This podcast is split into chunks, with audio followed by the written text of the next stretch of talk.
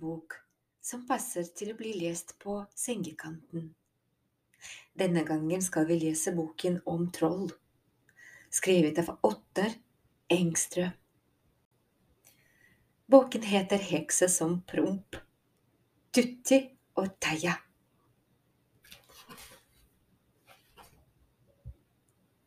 Vi starter med innledning. Heksene. For lenge, lenge siden, i riktig gamle dager, da levde det hekser og troll overalt. De fleste trollgubbene bodde i Trollheimen, men jutulene, som var de største av alle troll, de bodde i Jutunheimen sammen med trollkjerringene sine og det var kjerringer som hadde enda lengre neser enn det heksene har. Men å fly på kost, det kunne de ikke, og derfor var det heller ikke så ofte at noen fikk se dem.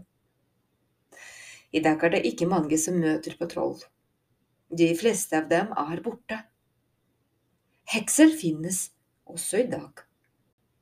Men da det aldri er noen som har sett verken heksemammer eller heksebarn, er det mange som har begynt å lure på hvor de egentlig kommer fra, og hvordan de blir til. Noe som gjør at mange av oss har begynt å tro at heksene kanskje bare blir til av luft.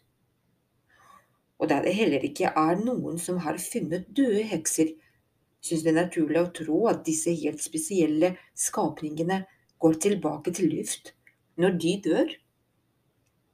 Ganske merkelig, ikke sant? Jo, det er merkelig. Men da må vi huske at hekser er De er meget merkelige. Det eneste man med sikkerhet vet, er at heksene blir fryktelig gamle. Et menneske kan kanskje rekke å bli 100 år, men heksene blir mye eldre. Og de aller dyktigste hekseforskerne som fins i verden, de mener å ha funnet ut at heksene dør den dagen de fyller tusen år. Eldre enn det kan de visst rett og slett ikke bli.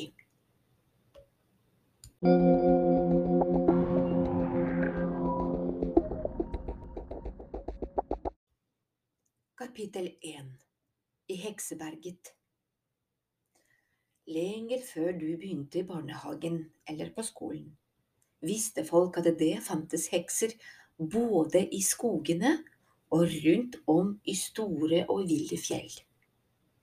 Hekser som grublet og tenkte, de søkte gjerdene til de store, mørke skogene, der de helt uforstyrret kunne gå rundt og tenke i fred. Men de glade heksene, de som likte å le og fjolle og danse, de fant seg gjerne steder i fjellet det var der de kunne boltre seg med kostene sine og stupe fjellsidene ned. Og det var der, inne mellom de bratte fjellveggene, at de helt uforstyrret kunne øve på den avsindige og fæle latteren sin. Noen holdt til på Trolltunga, ute ved Hardangerfjorden. Noen tok seg fram til Rastigeisefjellet på Finnmarksvidda og andre fant seg til rette i Bruraskaret, i stupbratte Trollveggen og rundt omkring store Trolltint. Og det var ved store Trolltint hekse Tieta hadde funnet seg et hjem. Der hadde hun og de andre heksene fløyet på kost, lekt, hoppet og danset i mange hundre år. Hvor mange visste hun ikke, for hekser følger ikke med på hvor gamle de er. Fjellheksene bruker tide til å ha det gøy. De flyr, gjør heksekunster og finner på helt sprø ting som bare hekser kan greie å finne på.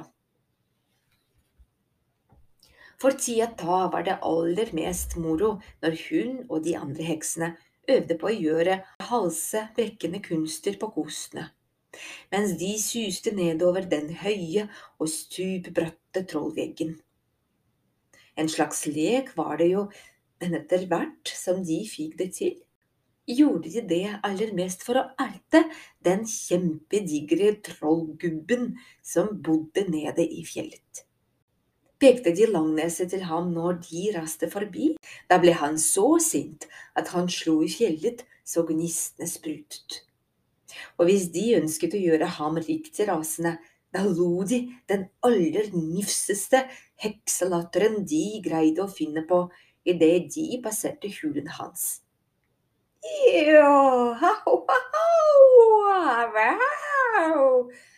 Gneldret og skrek de så det ljømet i fjellsidene.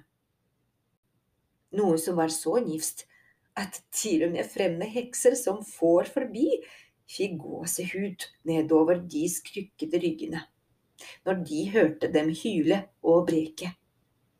Og den gamle trollgubben som ble sint for langt mindre, han vrælte og skrek, hamret og slo, og gjorde som om han ville rive ned fjellet han bodde i.